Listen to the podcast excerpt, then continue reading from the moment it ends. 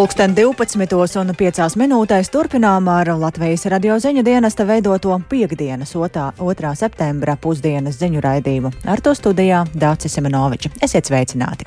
Un vispirms par dažiem šīs dienas tematiem. Komunālo pakalpojumu rēķini šoziem var izrādīties daudz lielāki nekā tika prognozēts iepriekš. Tā nav tikai jūsu problēma. Tā ir visa, nu vai vismaz daudz cilvēku problēma. Līdz ar to tā kā visiem bankrotēt neļaus, šajā situācijā būs nepieciešams kaut kāds kolektīvs risinājums. Pret azartspēlēm noskaņotā Rīgas doma dod zaļo gaismu deviņām spēļu zālēm, par to tiešraidē izjautāsim Rīgas vicemēri, un analītiķi pieļauj, ka Putins nav atmetis nodomus pārņemt visu Ukrainu, tikmēr Ukraina jebkādiem līdzekļiem sola atbrīvot okupētās teritorijas. Analītiķi Donbasa ieņemšanu pirms 15. septembra uzskata par maz ticamu.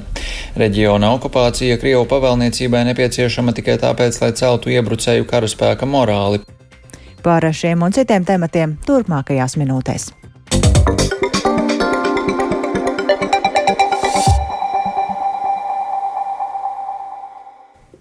Komunālo pakalpojumu rēķini šodien var izrādīties daudz lielāki nekā prognozēts iepriekš. Tas izriet no uzņēmumu pieteiktajām un regulatora apstiprinātajām tarifu izmaiņām. Piemēram, koncerns Rīgas siltums nākamēnes plāno dubultot apkuras tarifu galvaspilsētā.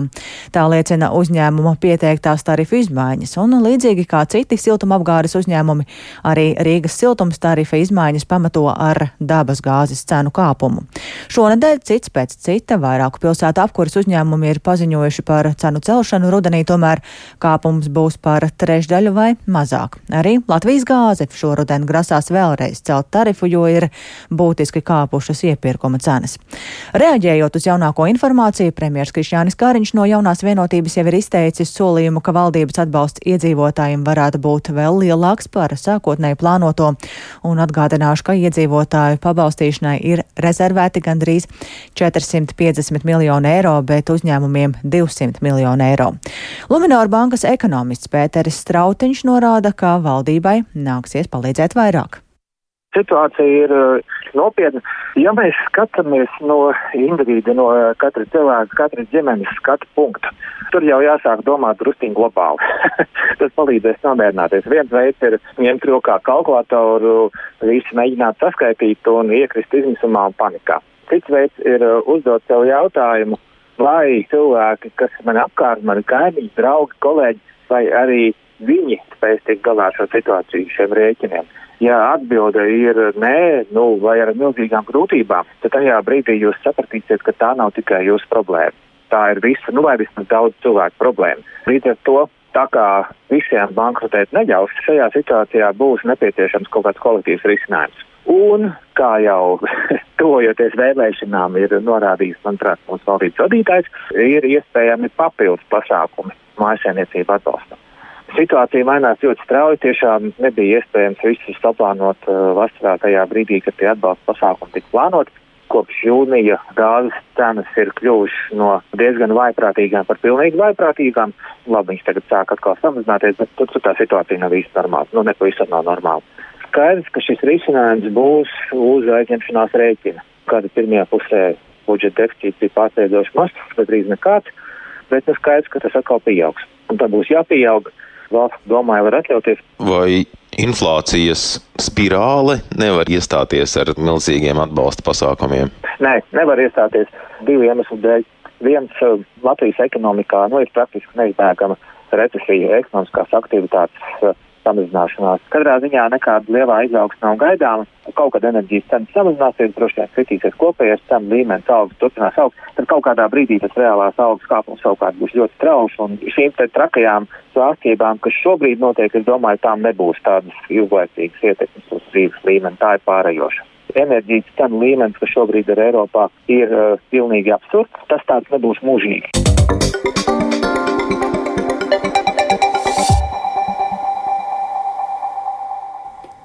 Ar frāzēm esam ķīlnieku lomā un balsoju par, bet esmu pret. Rīgas domas drošības komiteja šodien deva zaļo gaismu deviņu azartspēļu zāļu darbības turpināšanai.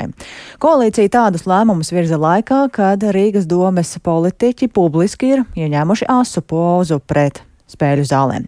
Gandrīz pilnīgs klātienes azartspēļu aizliegums bija paredzēts Rīgas jaunajā teritorijas plānā, taču to atbildīgā ministrija nesaskaņoja. Tādējādi spēkā ir iepriekšējās Rīgas varas apstiprinātais teritorijas plāns, kur spēļu zāles ir atļautas. Un šā jautājuma dēļ koalīcija arī sanāks kārtējā saķeršanās ar opozīciju un viena drošības komitejas sēde nenotika kvoruma trūkuma dēļ pēc deputātu aiziešanas no sēdes. Un, eh, lai par šo jautājumu runātu plašāk, esam šobrīd sazinājušies ar drošības komitejas priekšsēdētāju Rīgas vicemēri Lindu Ozolu no konservatīvajiem. Labdien! Labdien! Vispirms izskaidrot, kādēļ ir vispār radusies šāda situācija. It kā esat pret spēļu zālēm, bet tajā pašā laikā šodien akceptējāt deviņu zāļu darbību turpmāk. Es precizēšu vienu lietu. Mēs šodien pieņēmām lēmumu par derību likmju pieņemšanas vietas un totalizatora atļaušanu adresēs, kur jau darbojas spēļu zāles. Tātad mēs neatvērām jaunas adreses pilsētā, šo ļoti svarīgi saprast, bet uh, tur, kur viņas jau darbojās, papildu funkcijas viņiem ir šobrīd totalizators un derību likmju pieņemšanas vieta. Neatkarīgi no tā, deputātiem objektīvi šis tiešām ir balsojums pret sirdsapziņu, ko apliecināja arī mūsu viedokļi, kas tika izskanēja komitejas sēdē. Kur, kāpēc situācijas ķīlnieki? Likums pasaka, ka atļaujas ir izsniedzamas un lēmums ir jāpieņem pašvaldības domēji. Dome nozīmē vēlētie deputāti. Nevis pašvaldībai, eh, kā juridiskai personai, un tad mēs noteiktu, kāda struktūra vienība šos lēmumus pieņem, bet domēji. Un pēc būtības, tāpēc mūsu iedzīvotāji ievēl, lai mēs izvēlētos, kā balsot, ko atbalstam un ko neatbalstam.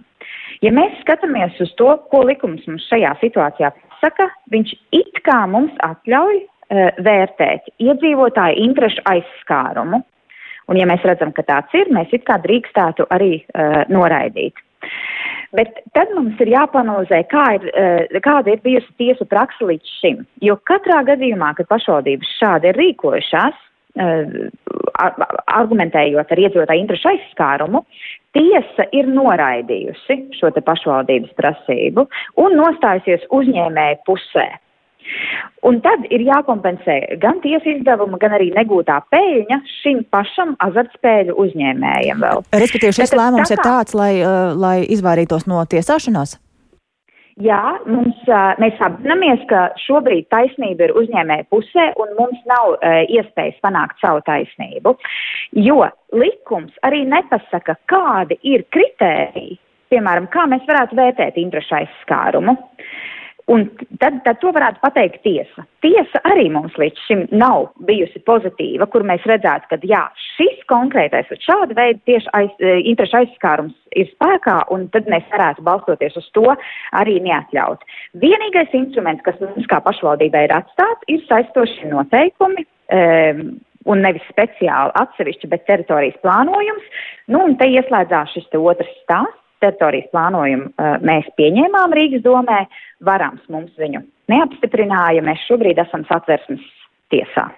Tātad šobrīd esat satversmes tiesā un pagaidām nekāda tālāka virzība šajā jautājumā attiecībā uz Rīgas domas un pašvaldību lietu ministrijas strīdu pagaidām nav. Šobrīd šī lieta ir sagatavošanas procesā, kas nozīmē, ka satversmes tiesa apkopo visus dokumentus, eh, viņi apkopo abu pušu, tātad Rīgas domas un eh, varam ministrijas viedokļus, argumentus, skatās, kuri, uh, kuras personas būs pieaicināmas kā liecinieki vai, nu, attiecīgi viedokļu paudēji, un šis sagatavošanas process ir jānoslēdz līdz 29. novembrim. Šobrīd arī mums, kā prasības pieteicējiem Rīgas domai, nav vēl iespējas iepazīties ar to, eh, kādus argumentus izmantos varam ministrijas atversmes tiesā. Šī informācija mums būs pieejama tikai tad pēc 29. novembra. Tā kā, nu, šobrīd mēs esam eh, šī sagatavošanas fāzē. Jā, vēl pavisam īsi, vai uzņēmēji arī interesēs par jaunu spēļu zāles, zāļu atvēršanu? Neliela tāda interese ir.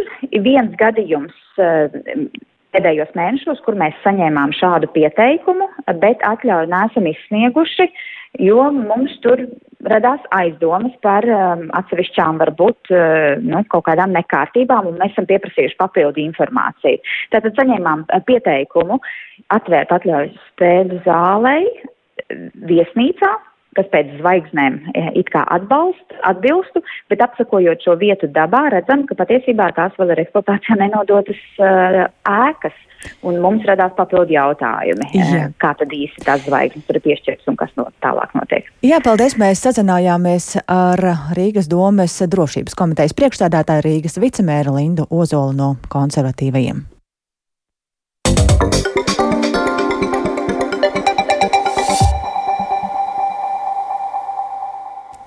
Un pievēršamies citiem tematiem. Latvijas skolās un bērnu dārzos šajā mācību gadā mācīsies vairāk nekā 3000 skolēnu no Ukrainas.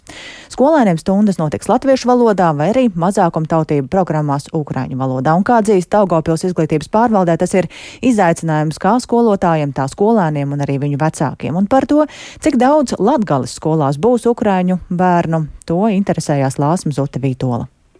Daugāpils pilsētā ir pieregistrēti 250 ukrāņu bērni. Šobrīd precīzi pateikt, cik daudz mācīsies Daugāpils skolās, kā norāda izglītības pārvaldē, gan nevar. Situācija mainās, kāds izlēma nemācīties, jo dodas atpakaļ uz Ukrainu, citi atkal nāk klāt, taču par situāciju, kāda tā izskatās šobrīd, vairāk stāsta izglītības metodiķe Ilze Onzula, kas Daugāpilī atbild par ukrāņu izglītību ir saņemts 71 iesniegums vispār izglītojošās skolās.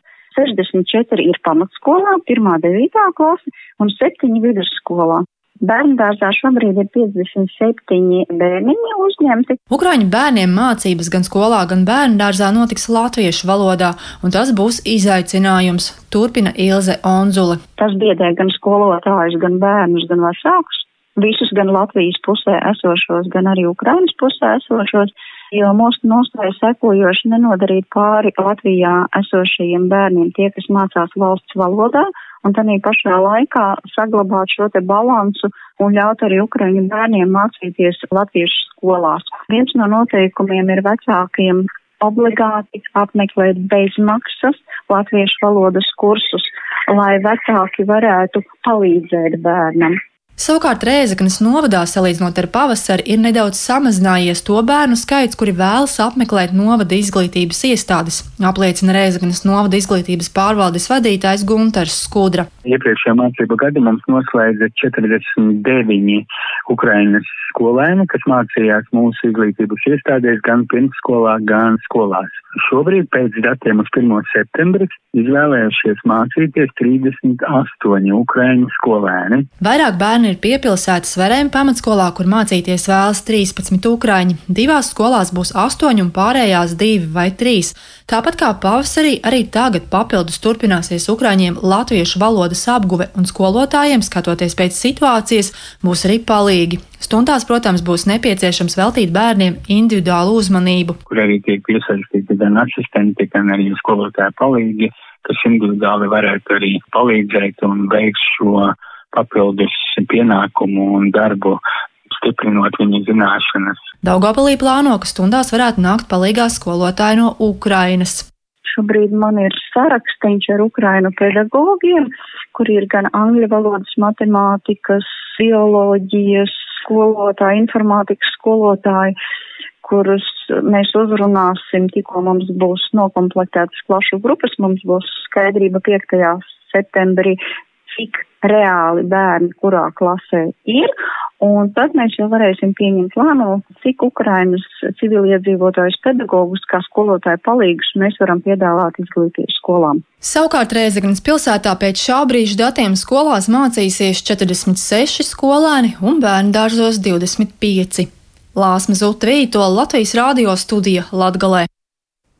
Krievijas vadība visticamāk gatavos izveidot jaunus spēkus, lai stiprinātu ofensīvu pret Ukrainu rudenī un ziemā. Ar šādu viedokli klajā nākuši Amerikas Savienoto Valstu domnīcas kara pētījuma institūts analītiķi. Ienaidnieks joprojām cenšas izveidot pilnīgu kontroli pār Donetskas apgabala teritoriju un paturēt ieņemtos Hersonas, Harkivas, Zaporīžas un Mikolājevas apgabalus. Tikmēr Ukrainas prezidenta kancelējas vadītāja padomnieks Mihailo Poduļaks uzsvēris, ka bruņoties spēki ar ar jebkādiem līdzekļiem atbrīvos visas Krievijas okupētās Ukrainas teritorijas, tostarp Krīmas pussalu, un par to plašāk Rihards Plūme. Pēdējā laikā pastiprināta uzmanība Ukrainā pievērsta ne tikai dienvidos pie Helsonas notiekošajai ofensīvai, bet arī situācijai Zaporīžjā. Ceturtdienas pēcpusdienā Zaporīžas atomelektrostacijā ieradās Startautiskās atomenerģijas aģentūras misija ar aģentūras ģenerāldirektoru Rafaelu Grosī priekšgalā. Pēc vizītes spēkstacijā viņš paziņoja, ka iekārtu un stacijas fiziskā integritāte ir cietusi vairākas reizes. Kaut gan es tur biju biju četras vai piecas stundas, es redzēju daudz. Es varēju daudz runāt ar darbiniekiem un arī ar cilvēkiem no Enerhodaras. Es uztraucos, un es turpināšu uztraukties par stāciju, līdz mums būs situācija, kas ir stabilāka, kas ir prognozējamāka.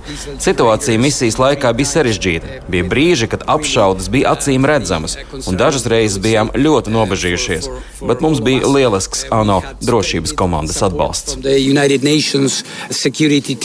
Grosī skaidroja, ka daļa no viņa 14 cilvēku misijas paliks stacijā līdz svētdienai vai pirmdienai, turpinot novērtējumu, vēl esot daudz darba, lai veiktu dažu tehnisko aspektu analīzi. Ukrainas prezidents Valdemirs Zelenskis sacīja, ka okupanti cenšas pārvērst misiju stacijā par neauglīgu ekskursiju.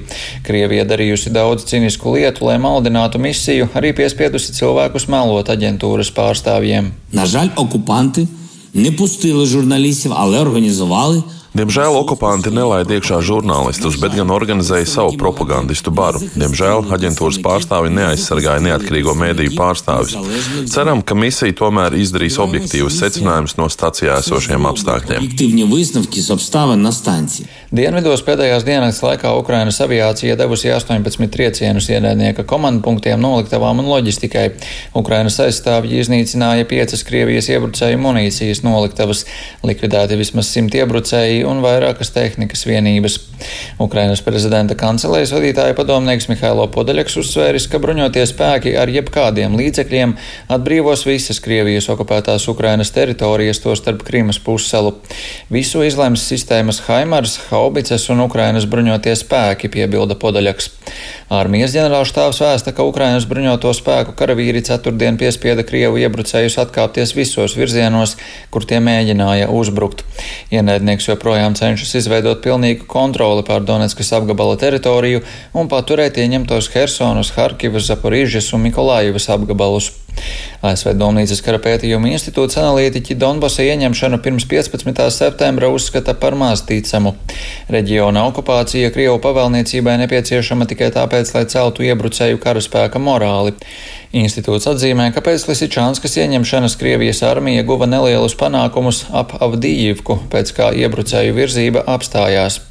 Analītiķi arī norāda, ka Krievijas prezidenta Vladimira Putina paziņojums par plāniem likvidēt pretkrievisko anklāvu Ukrainā, kā arī vecās agresīvās retorikas atkārtošanās pret Ukraiņiem, liecina, ka Krievijas prezidents nav atmetis maksimālistiskus nodomus pārņemt visu valsti, un šāda paziņojuma mērķis, domājams, ir radīt informatīvus apstākļus, lai aicinātu uz turpmākiem Krievijas centieniem un spēku veidošanai šoruden un ziemā, pieļauj analītiķi. Rihards Plūme, Latvijas radio. Visā Eiropā valdības prāto, kā palīdzēt iedzīvotājiem un uzņēmumiem samaksāt par augstajiem elektrības un apkuras rēķiniem, kā arī nodrošināt, lai gāzes pietiktu visai ziemai. Vācijas valdība, piemēram, paziņojusi arī par vairākiem enerģijas taupības pasākumiem. Tostarp veikaliem būs jātur durvis ciet un basēnos ūdens būs nedaudz augstāks, turpina Arčams Konuhaus. Gāzes piegāžu jomā pašlaik ir tikai viena labā ziņa. Krātuves Eiropā vidēji ir piepildītas par 80%. Gāzes krātuve piepildīšana liek cerēt, ka gaidāmo ziemu Eiropa varēs pārdzīvot salīdzinoši mierīgi, tomēr satraukumu rada augstās cenas. Vācijas valdība pašlaik ir gatava maksāt par gāzi gandrīz jebkādu summu, lai tikai nodrošinātu uz ziemai. Pēc eksperta domām arī tās dzencenes uz augšu. Eiropas komisija drīzumā ir solījusi nākt klajā ar vairākiem pasākumiem, kas samazinātu elektrības cenas un ierobežotu enerģijas kompāniju milzīgo peļņu. Komisijas priekšsēdētāja Urzula Fonderleina atzina, ka elektrības tirgus vairs nestrādā kā nākas, un tādēļ tas ir jāreformē. Uz to mudina arī Austrijas kanclers Karls Nehamers kurš paziņoja, ka viņu valstī tiks ieviesti arī elektrības cenu griezti. Jāpiebilst, ka Austrijas valdība šajās dienās ir bijusi spiesta aizdot 2 miljārdus eiro vienam no lielākajiem elektrības piegādātajiem valstī, lai nodrošinātu nepieciešamo likviditāti. Tas izraisīja daudz jautājumu par kompānijas Win Energy biznesa darījumiem. Arcēns Konahos Latvijas Rādio Briselē.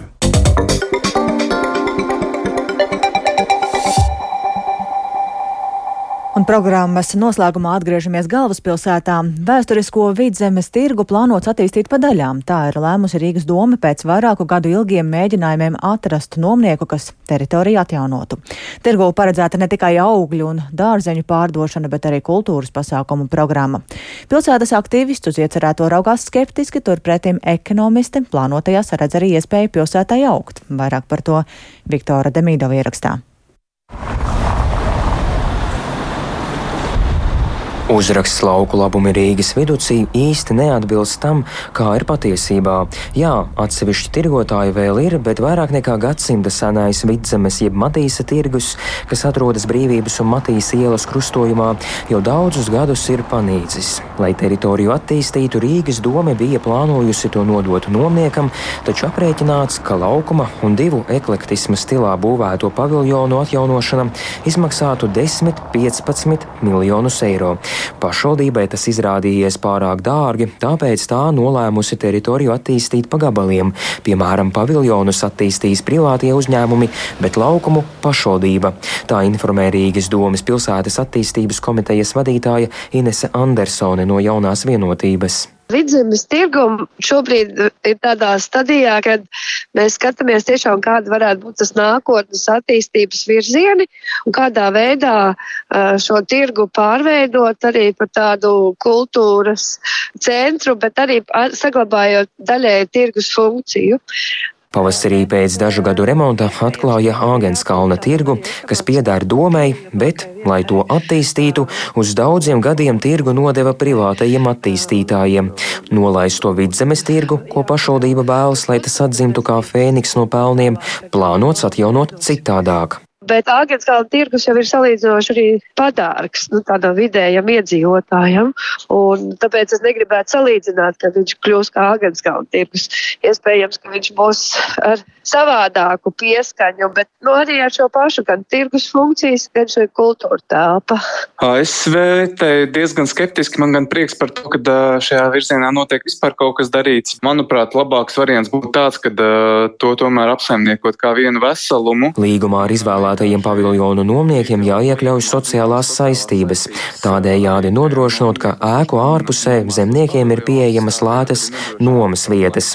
Tā uzskata apvienības pilsēta cilvēkiem valdes loceklis Armans Būmanis. Obligāti jābūt pamatfunkcijai lauksaimniekiem. Tas nozīmē, ka ir jābūt tai viegli pieejamai videi kur ir sakārtota un ērta. Otrakārt, jābūt arī tādām nedaudz, varbūt arī dārgākām vietām un arī vietām, kur pāriest, veidojot kaut ko līdzīgu kā Agenskalna tirgu, kur arī piesaistīt to publiku, kur varētu arī baudīt šo kultūru un baudīt ar ēdienu. Nevajag uh, nekad kādu vietu attīstīt ļoti šauri. Turpretim ekonomikas speciālisti pašvaldības iecerēto atbalsta, skaidrojot, ka tirgus panīkums sākās tad, kad tas nonāca Rīgas centrāltirgus paspārnē. Citiem vārdiem sakot, to apsaimnieko viens vadītājs. Turpina Latvijas Universitātes startautiskā biznesa programmas vadītāja profesora Baiba Šavriņa, uzsverot, ka apkaimes tirgi pašvaldībai ir jāattīsta. Mēs redzējām to, ka centrāla tirgus nav ieinteresēts šādas tirdzniecības attīstībā, nu tas tā kā konkurence parādās. Tie vairāki nomnieki, kas, teiksim, attīstītu šo teritoriju, katrs ar savu mērķi un katram savu misiju, es domāju, ka tas būtu tiešām loģisks arī risinājums. Skaidrāka darbu vīzija gaidāma nākamajā gadā, bet jau tagad zināms, ka visas teritorijas labiekārtošana izmaksās vairākus miljonus eiro. Viktors Demidovs, Latvijas radio. Ar to izskan programma Pusdiena. Producents Edgars Kupčs ierakstus montēja Renāša Teimanis par labskaņu rūpējās Kārlis Rašmanis un ar jums sarunājās Dācis Semenoviča. Nalīsi par svarīgāko komunālo pakalpojumu rēķinu šoziem var izrādīties daudz lielāki nekā prognozēts iepriekš. Pret azartspēlēm noskaņotā Rīgas doma dod zaļo gaismu totalizatoru un derību likmi pieņemšanas vietu atvēršanai esošajās spēļu zālēs vēroties no tiesāšanās. Ar to arī izskan programma Pusdiena.